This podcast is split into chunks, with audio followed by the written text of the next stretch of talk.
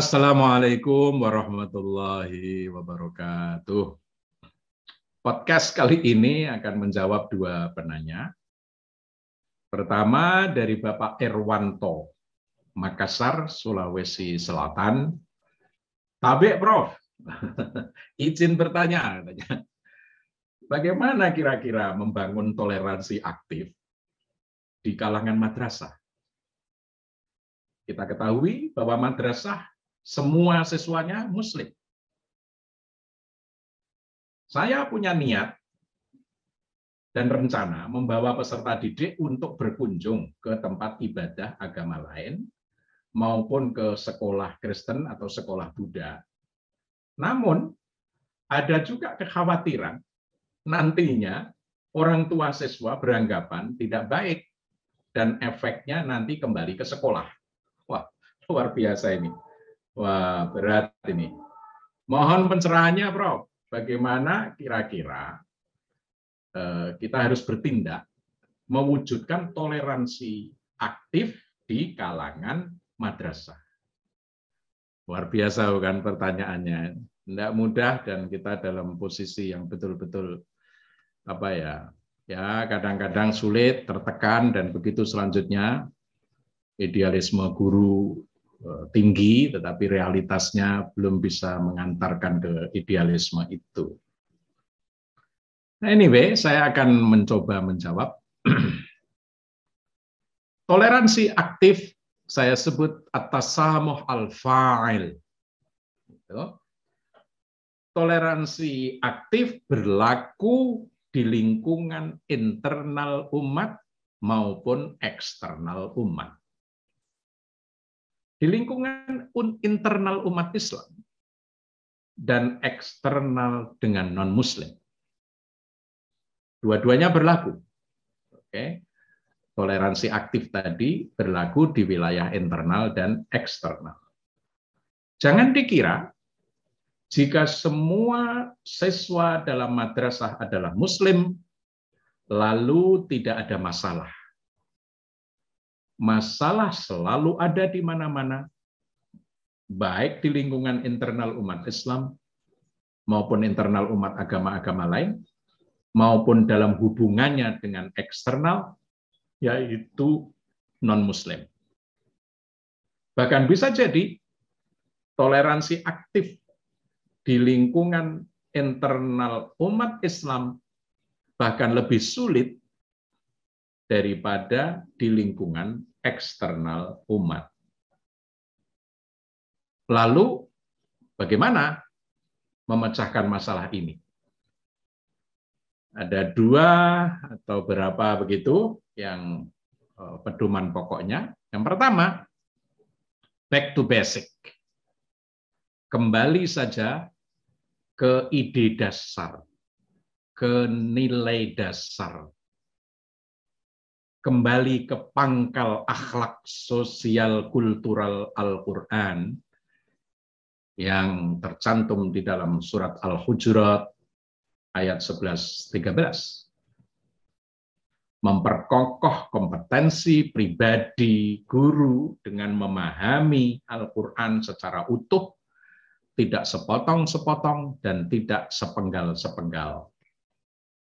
Dengan cara mempraktekkan dan menjalankan ajaran dan nilai-nilai sosial kultural Al-Quran secara konsisten istiqomah dalam masyarakat majemuk.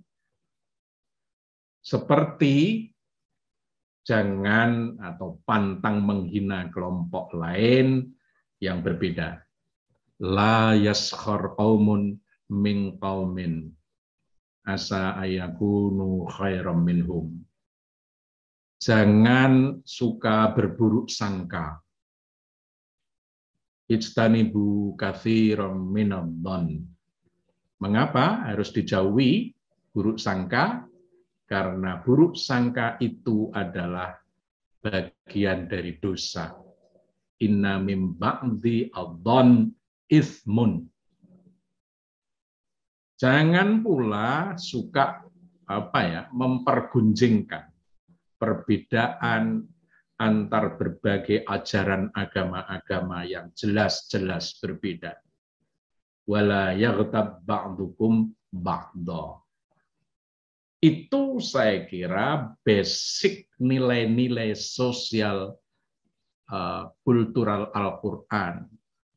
Akhlak sosial kultural Al-Qur'an itu jelas seperti itu. Jika kita keluar dari panduan itu, ya tidak Quranik namanya. Itulah kira-kira. Maka ajakan saya ya kembali kepada kepada basic value Al-Qur'an. Dua, begini, kita ini biasa diajari puasa kan. Puasa itu kalau sedang sahur lalu ada imsak. imsak itu Eh, imsak itu menahan diri untuk tidak melanjutkan makan sahur karena sudah akan subuh gitu. Nah, itu dalam bahasa lain disebut self restraint yaitu menjaga diri eh, menahan diri sebetulnya. Kemampuan menahan diri itu penting sekali. Dan saya mengamati kemampuan menahan diri ini dari waktu ke waktu meluncur ke bawah gitu ya. Umat Islam, guru, pendidik, murid, orang tua, masyarakat, elit birokrasi, elit politik, lembaga-lembaga keagamaan. Ya, terserah mau Muhammadiyah, mau NU, mau Nahdlatul Ulama, Al Khairat, Nahdlatul Watan, pemuka-pemuka pemahaman yang sekarang belakangan disebut salafi ya. Penceramah kondang gitu. Influencer gitu kan. Dan semua yang lain harus konsisten berpegang teguh untuk mampu menahan diri. Self restraint imsak tadi itu untuk tidak mengucapkan atau melontarkan kata-kata ujaran menghina atau hate speech sekarang bahasanya bernada mengejek, merendahkan, membenci, memperolok-olok, kemudian apalagi merendahkan, menolak, menyudutkan, mendiskriminasikan orang atau kelompok paham golongan lain yang berbeda dari kita yang disebut karohiyatul ghair. Apalagi sampai menolak itu rafdul ghair. Itu betul-betul harus self restraint kita mampu menahan diri untuk tidak melakukan itu. Mampu menahan diri untuk tidak melontarkan atau mengungkapkan ucapan tutur kata bahasa Jawanya munamuni, perilaku sosial, unggah-ungguh, ya, tata krama sosial, unggah-ungguh sosialnya, apalagi perbuatan sulah bowo yang menyudutkan orang dan kelompok lain.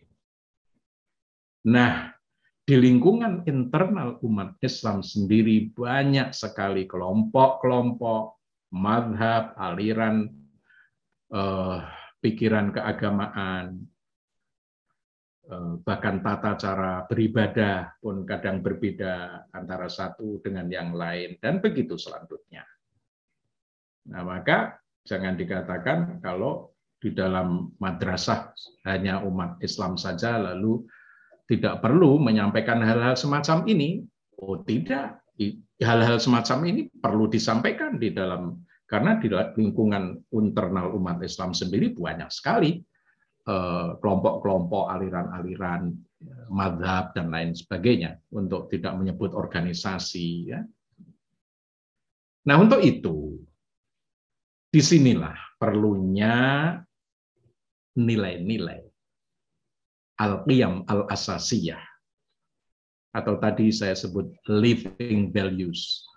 Nilai-nilai yang hidup di tengah uh, masyarakat luas. Seperti apa? Persatuan, rukun, guyub, solidaritas. Itu itu perlu didengungkan terus-menerus itu di dalam masyarakat majemuk, harmoni, setara gitu ya, di depan hukum, kerjasama, tidak merasa dirinya kelompoknya superior. Nah, begitu. Dalam bahasa Jawa kuno disebut adigang, adigung, adiguno. Nah, begitu kan. Ini menjadi sangat penting. Nilai-nilai itu menjadi sangat-sangat penting untuk ditanamkan, ditumbuh kembangkan, dan juga dibiasakan di lingkungan sekolah. Peserta didik, guru, masyarakat, sekaligus orang tua dan masyarakat luas. Nah, yang berat apa? Yang berat karena hal-hal seperti itu tidak terhenti pada teori, tidak eh, berhenti pada eh, level ideal, dalam alam pikiran saja tidak itu tetapi juga harus tampak di dalam alam praksis kehidupan nyata itu perlu dukungan perangkat seperti bagaimana mempererat persahabatan antar pribadi dan komunitas membiasakan kunjungan antar sekolah dan lembaga sosial yang berbeda afiliasi, ras, suku, agama, golongan, gitu, membangun kerjasama, silaturahim, melihat tempat ibadah menjadi sangat penting. Itu yang disebut field research, itu yang disebut al-muqarabah al-maidaniyah. Nah, sebagai lembaga pengembangan dan pemuliaan nilai-nilai peradaban, dunia pendidikan harus otonom, mandiri, mengambil langkah-langkah inisiatif yang diperlukan untuk mendidik dan mendisiminasikan nilai-nilai peradaban yang tangguh dan unggul. Nah, salah satu indikator dari toleransi aktif, bahkan bisa disebut toleransi total, adalah bahwasanya anggota masyarakat secara keseluruhan memiliki nilai keadaban publik yang tinggi. Sayangnya, meskipun kita rasakan semakin dekatnya hubungan sosial antar umat beragama yang berbeda-beda, dan itu nyata di mana-mana dalam kehidupan sosial kontemporer. Namun, pola, cara pendidikan, dan kurikulum pendidikan agama belum mampu mendukung keperluan mendesak yang dirasakan oleh peserta didik pada level jenjang apa pun di alam terbuka seperti sekarang ini di era internet semacam ini. Oleh karenanya perlu kontrak sosial baru dalam pendidikan menuju tahun 2050. Nah, begitu kira-kira ya. Antara sekolah, guru, wali murid, tokoh masyarakat, elit birokrasi, politisi, anggota DPR, kementerian terkait, bisa Kemenak, bisa Kemenristekdikbud, dan lain sebagainya, eh, kementerian-kementerian yang menyelenggarakan pendidikan. Nah, saya baru membaca eh, dokumen Futures of Education yang dipublish oleh UNESCO belum lama, baru tahun 2021, akhir 2021 kemarin. Nah, di situ disebutkan salah satu atau salah duanya saja lah yang saya akan sebutkan. Pertama, pedagogi dunia pendidikan di semua jenjang ke depan perlu memperkuat basis dan prinsip-prinsip kerjasama, kolaborasi, dan solidaritas. Nah, persis kan? Ini dokumen UNESCO terbaru tahun 2000 akhir 2001. Persis seperti nilai-nilai yang saya uraikan di atas tadi itu. Apa tadi itu? Kerjasama, kolaborasi, dan solidaritas di dalam masyarakat majemuk. Yang kedua, kurikulum ke depan perlu menekankan pembelajaran ekologis. Nah ini karena ada climate change ini kan, ada perubahan iklim yang luar biasa, oh, pembelajaran antar budaya. Nah itu dia, sudah saya ulang-ulang terus di dalam episode kita ini. Dan interdisipliner. Nah itu yang saya kampanyekan sejak tahun 2000 2000-an awal sampai sekarang. Dan sekarang disebut di dalam dokumen UNESCO itu. Nah, saya kira itu perlu dicamkan, kemudian didiskusikan lagi bersama teman-teman guru, teman-teman dosen, mungkin juga teman-teman guru besar Eh, penting sekali. Elit birokrasi, elit eh, tokoh-tokoh sosial kemasyarakatan keagamaan. Demikian, terima kasih.